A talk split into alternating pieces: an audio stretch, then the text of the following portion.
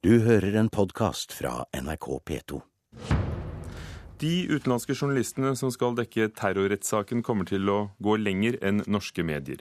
Det tror Norsk Presseforbund, og får støtte av den britiske journalisten Neil Sison, som er en av over 400 journalister som nå kommer til Oslo. The Sun-journalisten mener norsk presse har vært unnvikende i sin dekning. It does shy away from maybe a lot of the Norske journalister er konservative og tilbakeholdne i sin dekning av terrorsaken, mener Neil Sison, som nå kommer til Norge for å dekke rettssaken for den britiske avisa The Sun.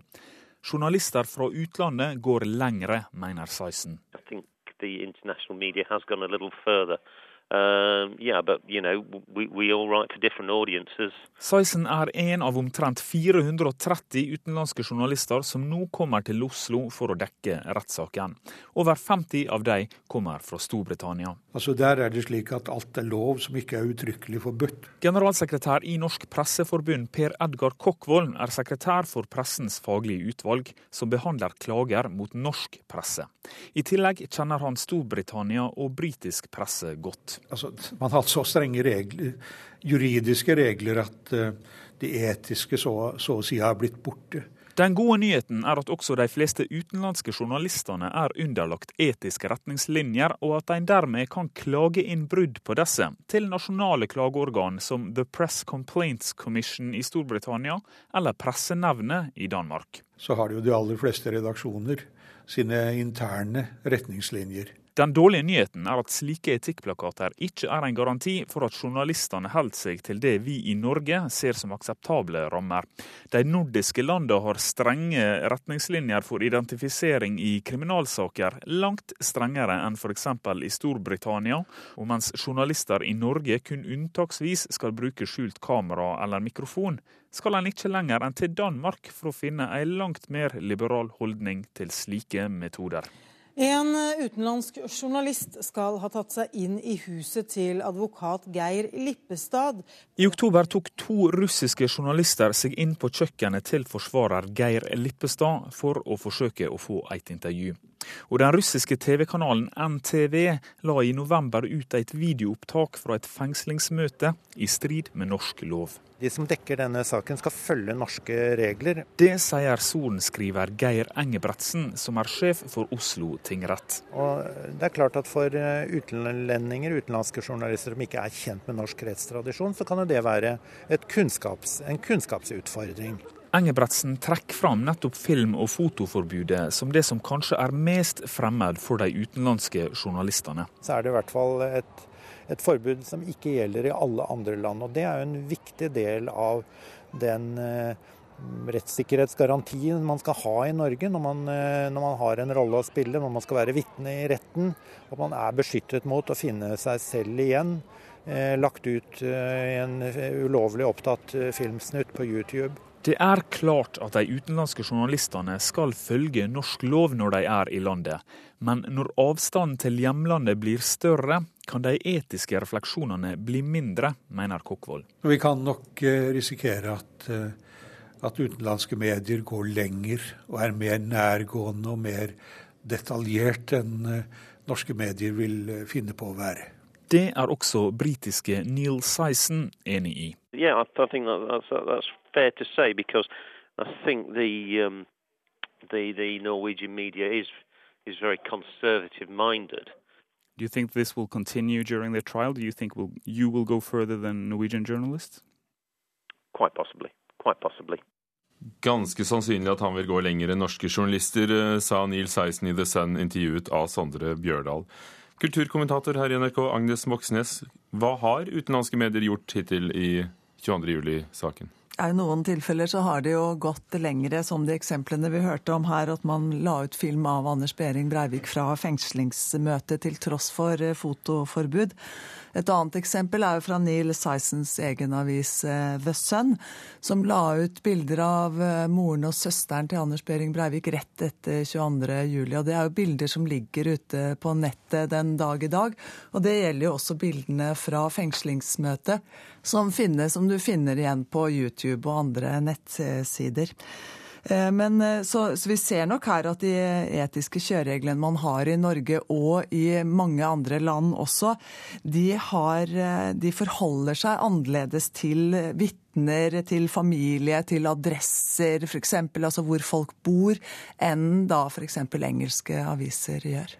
I det store og det hele, hva har utenlandske medier vært opptatt av? Bortsett fra disse stedene hvor de går lenger enn i Norge?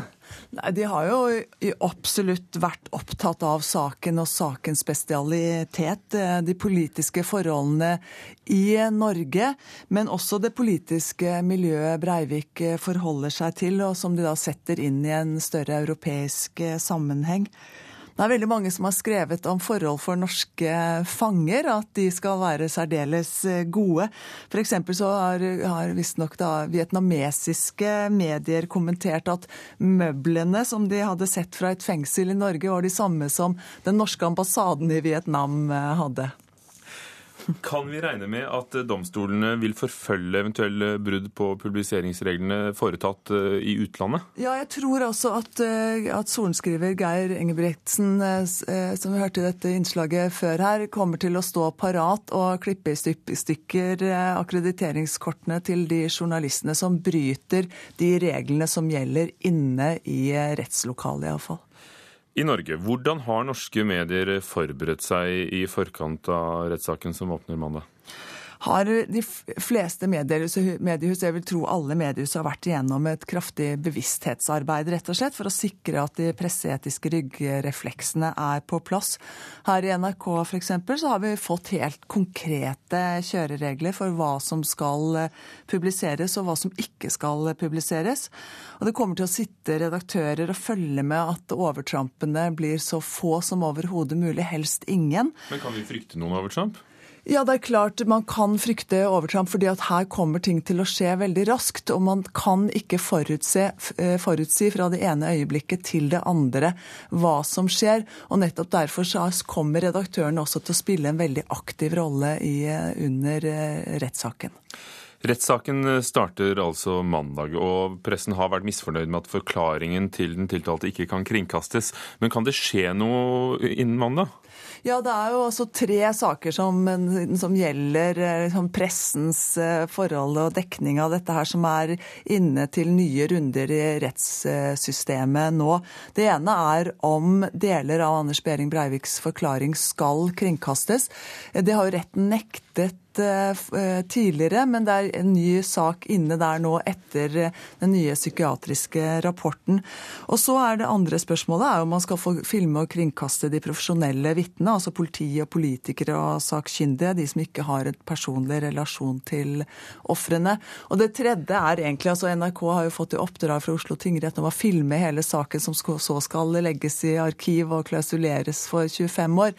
Det er også en runde, ny runde for å sikre Eh, de personlige rettighetene. Men det, det er, alt uklart til nå. Men dette må jo avgjøres før mandag, for da starter faktisk denne rettssaken. Agnes Moxnes, takk. Og vi tar med, best som vi snakker om dette, at nesten syv av ti nordmenn mener det har vært for mye mediedekning av terrorhandlingene og saken mot Anders Behring Breivik. Dette kommer frem i Medieundersøkelsen 2012. I den samme spørreundersøkelsen mener omtrent halvparten av de spurte norske journalistene at mediedekningen har vært for massiv. I Danmark og Sverige synes en langt større del av de spurte at dekningen har vært på et fornuftig nivå, skriver Aftenposten i dag.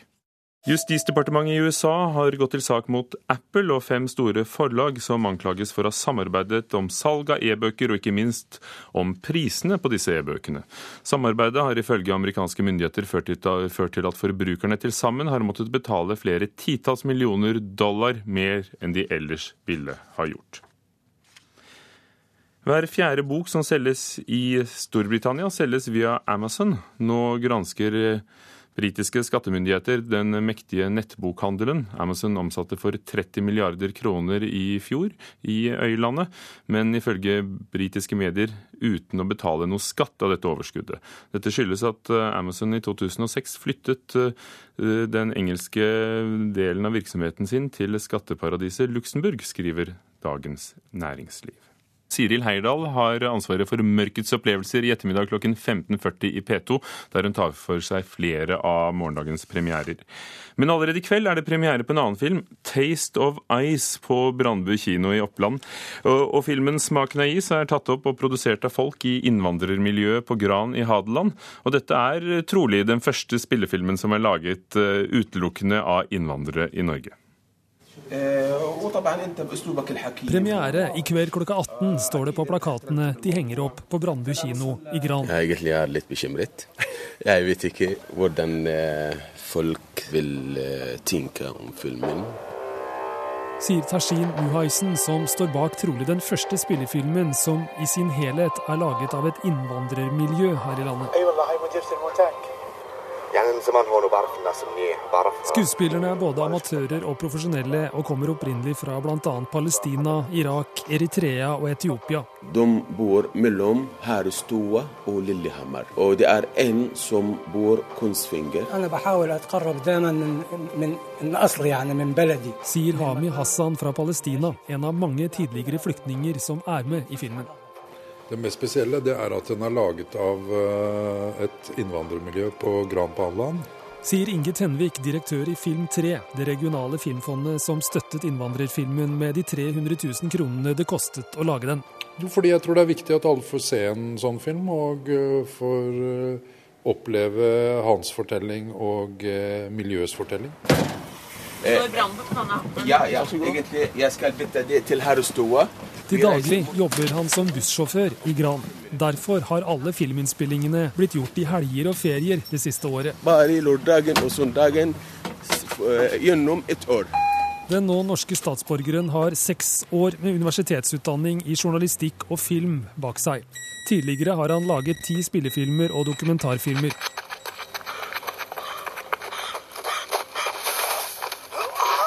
Filmen 'Taste of Ice' handler først og fremst om en flyktning som ikke finner seg til rette i Norge. Vi får handlingen gjennom en kjærlighetshistorie som utvikler seg dramatisk. Hvorfor vil du lage denne filmen? Fordi vi lever her i Norge. Hva slags budskap er det i filmen? Jeg vil si at folk her trenger litt tid og forstår hverandre. Jeg skal på kino med han, ja. Det er jo veldig fint at den lager det så vi får vite litt nå om hvordan han kommer inn i miljøet her. Jeg vil se det med andre folk på kino. Så du skal på premiere? Ja, jeg skal det. Jeg gleder meg til det. Sier folk på gata om filmen som har førpremiere både på Brandbu og Gazastripen nå i kveld. Nå jobber filmskaperen Tashin Muhaisen med å få distribuert filmen slik at den blir å se på kinoer i hele Norge, og deretter på fjernsynet. Vi håper at vi kan selge filmen, som kan vise filmen til hele verden. Sa filmregissør Tashin Muhaisen, som altså har laget 'Taste of Ice', og han og filmdirektør Inge Tenvik i Film 3 ble intervjuet av Stein Eide.